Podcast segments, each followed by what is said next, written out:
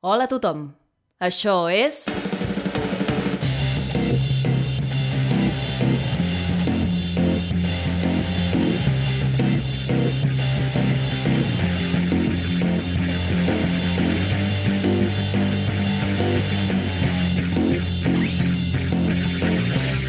Verícid sulfúric.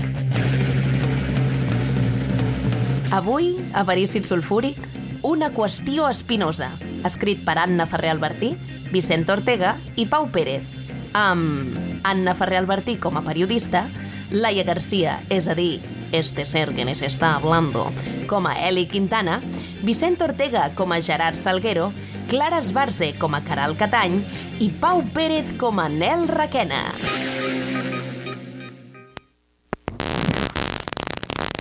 Divendres 3 de desembre. Fa dos dies va morir Aura Espinosa, famosíssima autora literària. Em trobo a l'entrada del tanatori Elustondo Santiáñez per assistir a la cerimònia de la, de la de, de, despedida, de, bueno, del funeral. A continuació n'afegeixo un fragment.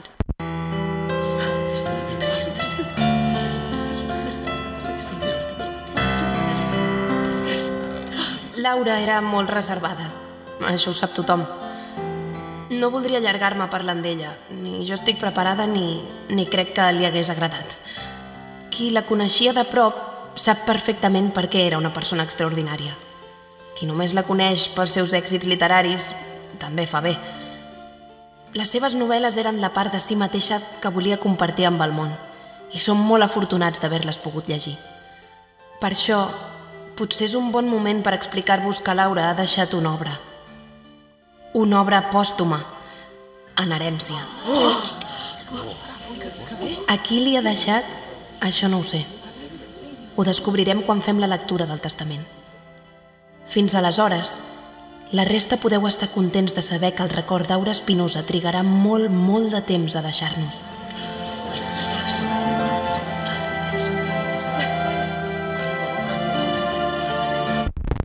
Senyor Salguero, senyor Salguero, sisplau, puc demanar-li unes declaracions? Eh?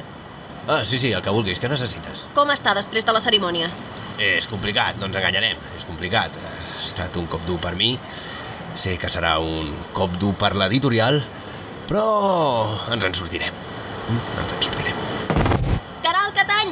Perdoni, Caral Catany? Sí, qui em crida? Aquí, aquí, li puc fer un parell de preguntes? Naturalment, el panorama literari del nostre país i, per què no dir-ho, l'internacional, no tornaran a ser el mateix. Però Espinosa deixa un llegat riquíssim i els estudiosos tenim molta feina encara, molta feina. Gràcies. Ets periodista, tu? Bé, estic cobrint l'esdeveniment d'avui i parlant amb les persones properes a la difunta. Doncs hauries de parlar amb mi. Vostè és Nel Raquena, si no m'equivoco. Nel Requena, president de l'Associació d'Admiradors de l'Obra Espinosa i coordinador de les trobades internacionals d'amics de la literatura espinosa. Suposo que ara recau en mi la responsabilitat de mantenir viu el record de la nostra heroïna. No et sembla? Uh... No, si plau, no tinc cap ganes de parlar amb ningú. Entenc que s'acaba de morir la meva parella, oi? Disculpi, senyora Quintana, serà només un segon. Em pot comentar res sobre l'obra pòstuma de la qual ha revelat l'existència al seu discurs? La veritat és que no. Suposo que a la notaria tenen tots els detalls. Però vostè té alguna sospita sobre qui es quedarà als drets de la novel·la? Cap ni una. Per quin mitjà és això? És per eh, Ràdio Tristany. Eh, Creu que podria concertar una entrevista soles amb vostè? No tinc cap mena de dubte que els drets del llibre passaran a les meves mans. Laura tenia plena confiança en mi, per això l'he publicada tota la vida, no? Estaria disposat a fer una entrevista en privat? Espera que miri l'agenda. Per qui treballes, tu? Pel diari Tribunus Plebis. Volem fer una doble pàgina sobre Aura Espinosa. Una pregunta, si em permet el joc de paraules, l'assumpte és espinós. Uh, què dir, si el món funcionés com cal, el manuscrit quedaria en mans de l'acadèmia. Però, si vol, això li ho puc explicar en una entrevista individual. Ah, doncs just li anava a proposar... Per quin programa és? Per a disfemismes i altres hipàleges del Canal 16. L'obra sempre ha sigut pels fans i no veig per què aquesta hauria de ser diferent. Em concediria una entrevista en exclusiva per la revista digital La Conversa? Home, per descomptat. Em disposo a fer una investigació exhaustiva amb els possibles beneficiaris de l'herència d'Aura Espinosa per treure l'entrellat d'aquesta situació. Està clar que hi ha molts testimonis diferents, així que haurem de contrastar les declaracions i arribar al fons de l'assumpte. He aconseguit concertar entrevistes individuals amb totes les persones interessades. El que segueix són les declaracions més rellevants d'aquestes entrevistes. Cal aprofundir en la biografia de l'autora i treure conclusions sobre el seu llegat. Hola, hola. Un, dos. Se sent? Perfecte, ho tenim. Abans de res, sisplau, presentis i digui'm què l'unia a Aura Espinosa. Soc Gerard Salguero i sóc el primer i únic editor d'Aura Espinosa per l'editorial Romboide. Em dic Elisabet Quintana, Eli Quintana, i sóc la vídua de Laura Espinosa. Nel Requena, fan número 1 de la difunta i president de l'Associació d'Admiradors de l'Obra Espinosa. El meu nom és Caral Catany. Soc doctora en Estudis Lingüístics, Literaris i Culturals, especialitzada en l'anàlisi literària d'Aura Espinosa. Fantàstic, doncs comencem l'entrevista. Com definiria la seva relació amb l'autora? Vejam, aquesta pregunta pot semblar simple d'entrada, però amaga una quantitat considerable de matisos força complexos. Potser per respondre abans ens hauríem d'ubicar en el recorregut personal i professional d'Espinosa. En pau descansi.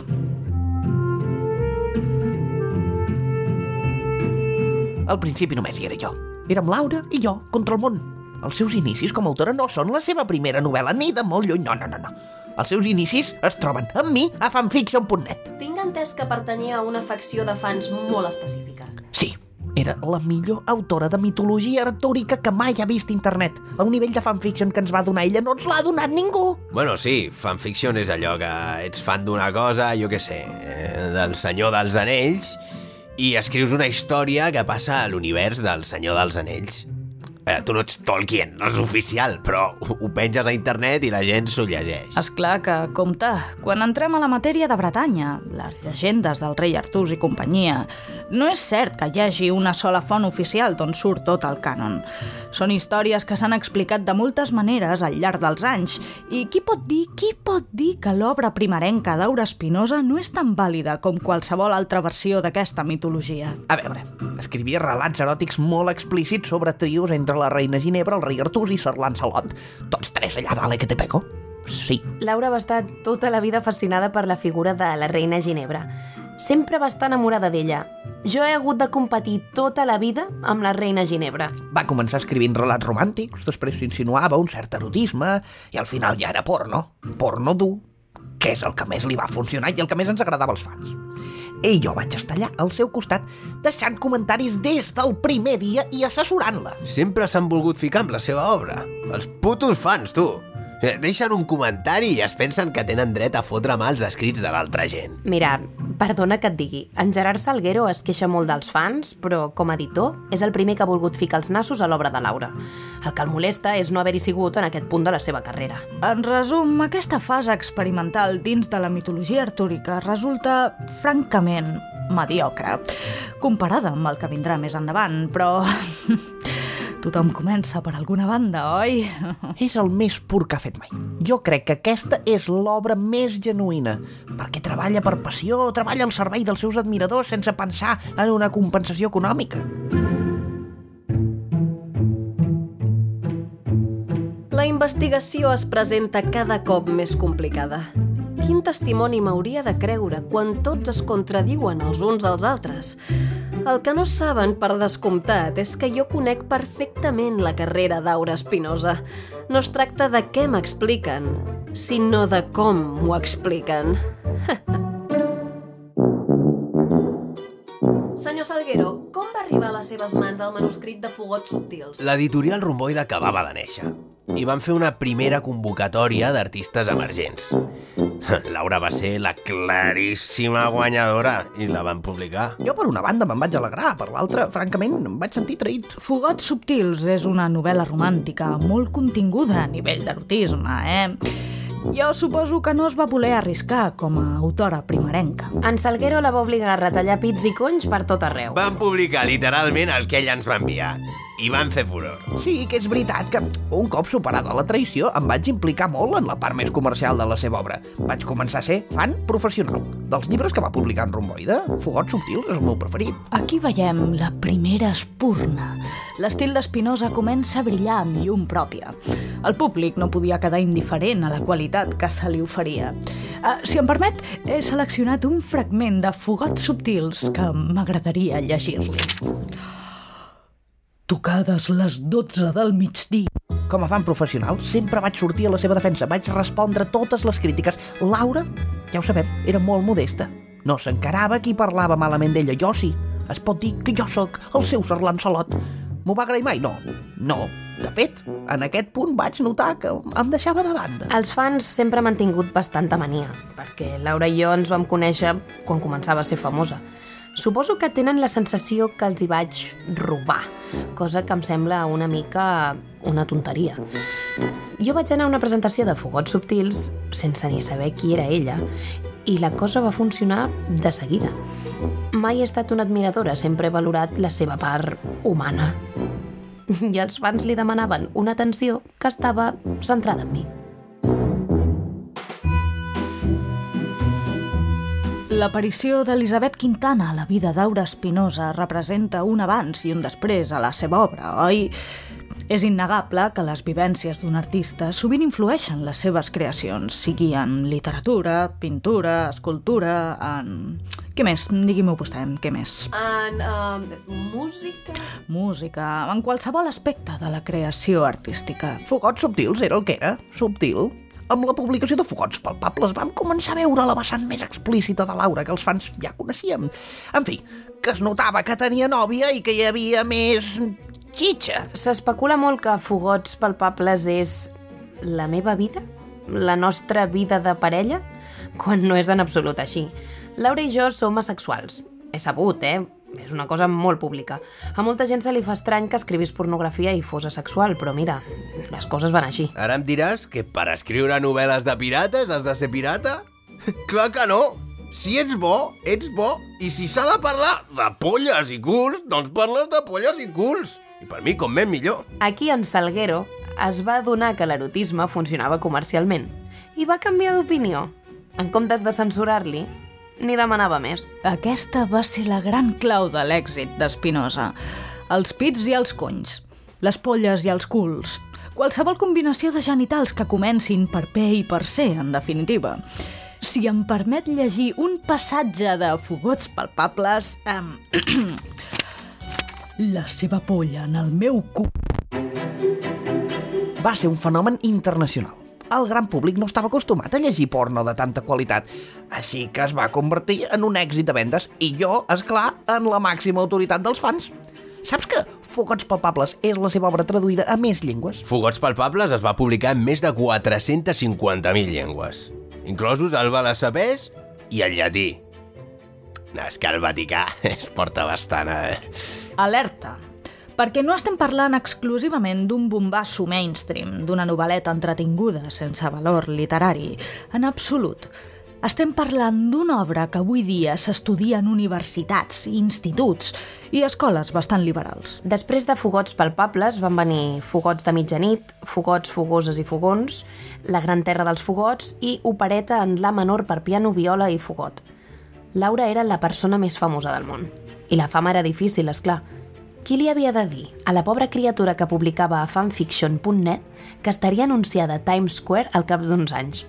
Ella era molt tímida i no ho portava gens bé. Um, però perdoni una pregunta, eh? Aura Espinosa era un personatge molt misteriós, igualment. És a dir, la timidesa formava part de la seva faceta pública. No ho feia tot més fàcil, això? No és el mateix no sortir de casa quan no et coneix ningú que no sortir de casa quan tothom t'ho demana. Era un rumor que no gaudia de la fama. Però si s'ho passava teta anant a totes les conferències, presentacions, entrevistes, sessions de fotos, congressos, taules rodones, firmes, exposicions, soarés, tertúlies i clubs de lectura en geriàtrics. Tot sempre en representació i gràcies a l'editorial Romboide. Vostè, senyor Requena, com creu que portava l'èxit la seva admirada Aura Espinosa? Jo ho portava estupendament. Tenia més feina que mai. Viatjava per tot el món. Vaig fer molts contactes. La millor època de la meva vida, francament. Per Espinosa va ser una experiència totalment esgotadora. I ja s'endevina, ja s'endevina la frustració que sentia en la darrera novel·la que va publicar ara ja fa 15 anys, titulada No em toquin els fogots. A la pàgina 35, paràgraf 2, línia 5... Sé que és una pregunta molt difícil de respondre, però en aquest moment tan complicat a la vida d'Aura Espinosa, um, quin diria que era el problema? Era un tema personal de Laura. Saps què passa? Que hi havia molt males influències a la seva vida. Els fans li donàvem tot el suport que podíem, però quan tens una parella que no s'interessa per la teva feina i un editor que només mira per la pasta, estàs perduda. El problema venia de dins. El problema venia de fora. Estava sol·licitadíssima i no podíem deixar tota aquella gent a l'estacada. Veure, si et reclamen el mateix dia al Canadà i a França, s'ha de gestionar d'alguna manera. El que vull dir és que no és culpa meva. I de qui era culpa? Les muses l'havien abandonada i no cal que se'n parli més. Digue-li A, digue-li B... Jo no buscaria tant la causa com la conseqüència, perquè està clar que la causa no era cap de nosaltres. Jo no vull parlar malament de ningú, però durant aquests 15 anys que Laura no ha publicat res, ha estat passant el mateix que passa ara amb l'herència. Què vol dir? Que tots ens tirem merda els uns a sobre dels altres. I així arribem exactament allà on els volia tenir. Durant tota aquesta estona he estat preparant el terreny, guanyant-me la confiança de les persones entrevistades, deixant que es desinhibissin, que perdessin la vergonya, fins a preguntar-los per l'herència, vejam què tenen a dir a favor seu i o en contra de la resta. Durant els darrers dos o tres anys, Laura va recuperar les ganes d'escriure. Portava prou temps allunyada del gran públic com per haver reposat de la fama. El món s'havia oblidat una mica d'ella i la veritat és que s'agraïa molt. I com que estava més tranquil·la, doncs estava més inspirada.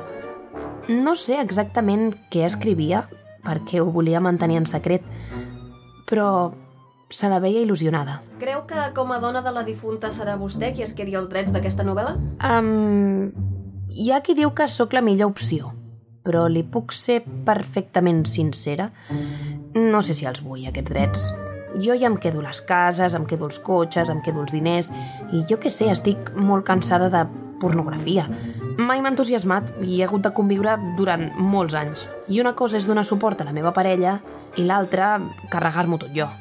Ara, sí que faria la feina abans que regalar-li al puto Gerard Salguero. Si m'ho preguntes a mi, jo et diré sense cap mena de dubte que l'editorial Romboide li traurà el màxim potencial a l'obra pòstuma d'Aura Espinosa.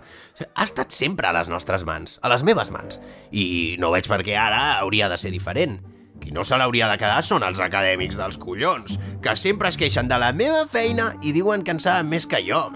Quina poca vergonya. No es pot parlar de la mateixa manera de les primeres edicions que de les que hi ha ara mateix a les llibreries. És indignant la manera com Romboida ha alterat les novel·les d'Espinosa pel seu propi benefici, sense consultar-ho amb l'autora. Els que de veritat estimem l'obra la volem conservar. I com sabem que es conservarà si abans passa per mans que no corresponen? Amb les mans que no corresponen vull dir les de Salguero i les dels fans. Ningú no està lliure de culpa aquí. Els estudiosos estan fets uns carques que volen treure-li tota la vida els llibres de Laura.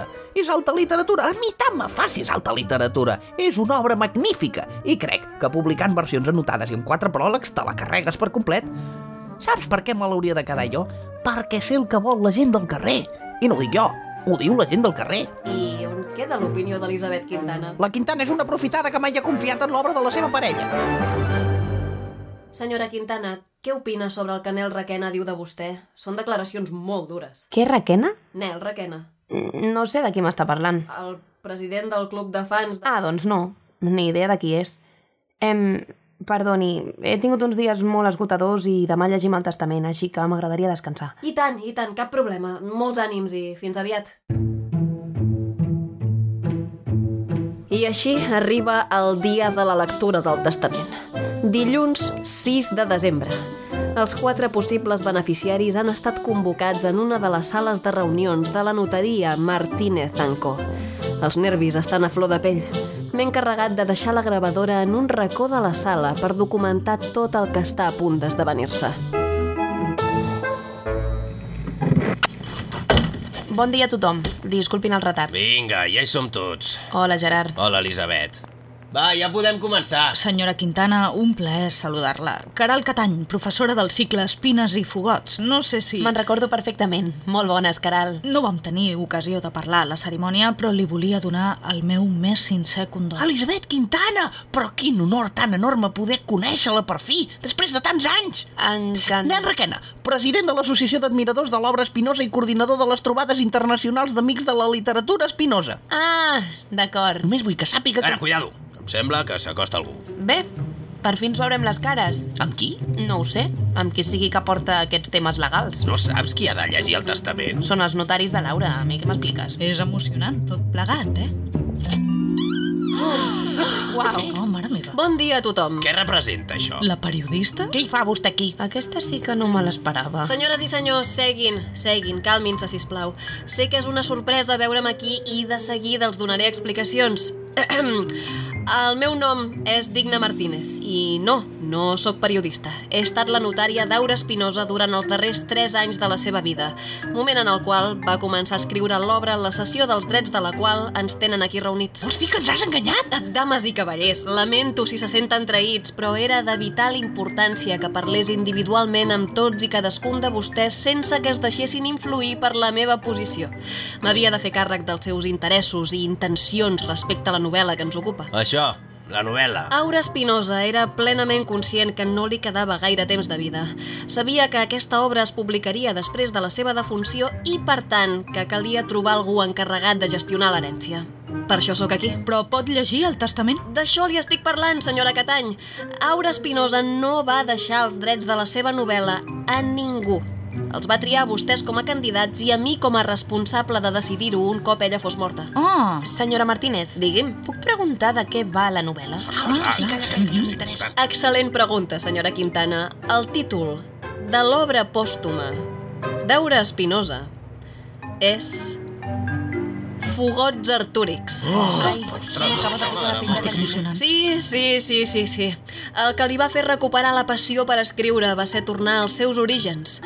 Benvolguts, jo no sóc editora, ni acadèmica, ni experta en l'obra d'Espinosa, ni la coneixia tan íntimament, però em permeto afirmar, i no tinc gaire por d'equivocar-me, que aquesta és la seva millor novel·la. Doncs ja me la pot donar, que això serà un bombasso. Ni parlar-ne, sangonera. Sangonera, tu, interessada de merda! mira qui parla, aquest No, no, Si Laura no mira, en la no més no interès, que no no no no no no no res, no res, digues, res, no res, digues, res, no Explica'm una altra, Teniu tota la temporada. Silenci!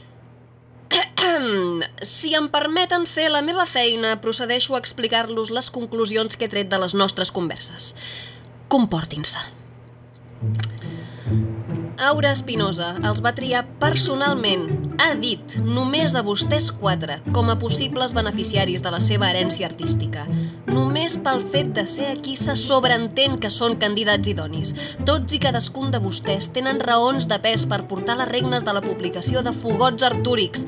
Però, de la mateixa manera, tots i cadascun de vostès tenen interessos personals que, si puc ser directe, embrutarien l'obra. Senyor Salguero, és clar que ha estat el seu editor tota la vida i triar-lo a vostè podria ser un pas lògic. Coneix el procés millor que ningú. I també sap com ficar-hi mà millor que ningú. Qui m'assegura que el manuscrit de Fogots Artúrics que jo he llegit seria el que vostè publicaria? Però, però... Per la seva banda, senyora Catany, vostè, sens dubte, portaria una edició molt conservadora de l'obra. Massa conservadora, potser?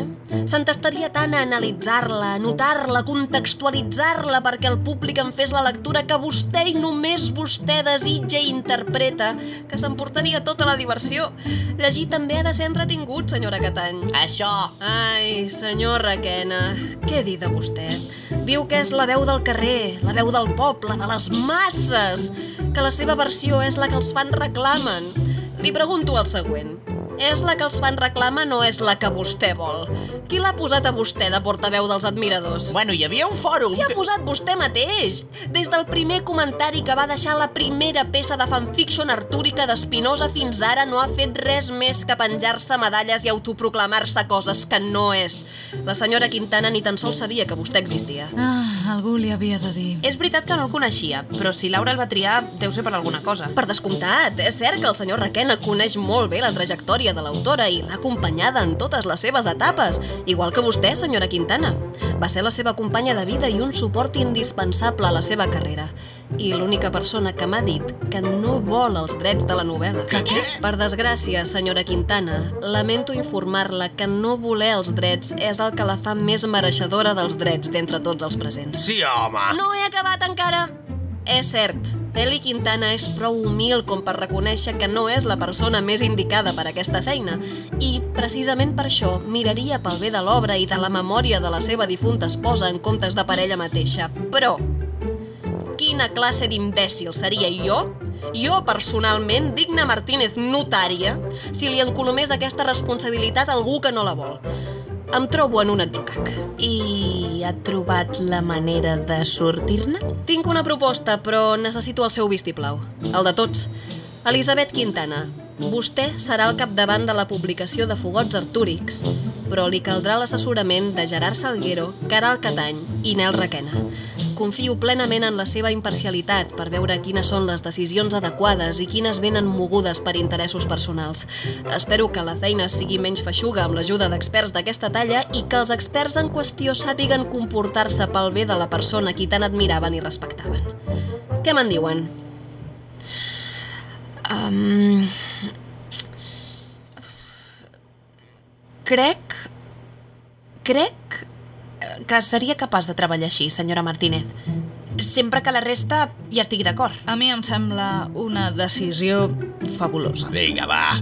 Ja parlarem dels percentatges, que tothom surti content. Jo no sé si és la millor opció, però bueno. Va. Val, perfecte. Doncs mira, jo ara només compraré una gent i una Oida, ja tenim una línia editorial molt, molt marcada.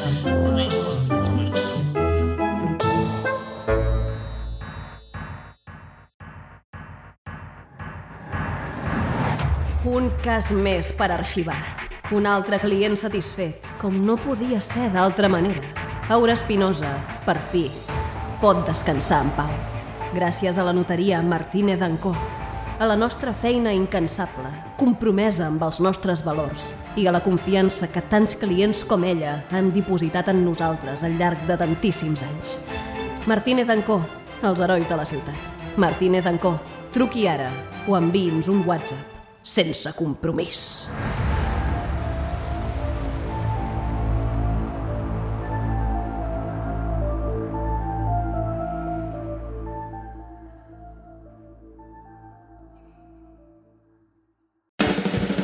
Gràcies per escoltar Verícid Sulfúric. Pots trobar totes les novetats a Instagram, Facebook i Twitter sota el nom Verícid Sulfúric. A més, recorda que pots donar-nos suport a patreon.com barra Verícid Sulfúric.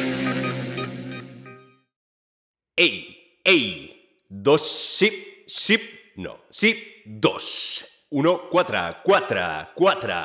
Pa, pa, pa, pergamí, pergamí, pergamí, no, pergamí, no. Sí, sí, ei, sí, ei, dos. Dos, ei, pergamí, pèrgola, pèrgola, pa, pa. Sí, no. Ei, jo, ei, un, ei, dos, ei, mm, mic, puc, ruc, tic, ma, ma, mama, ma, papa, pa, estic, estuc, festuc, festuc, dos, dos. I el guanyador de la tercera edició del Torneig Internacional de Proves de So de Micròfon de Peu és en Quico!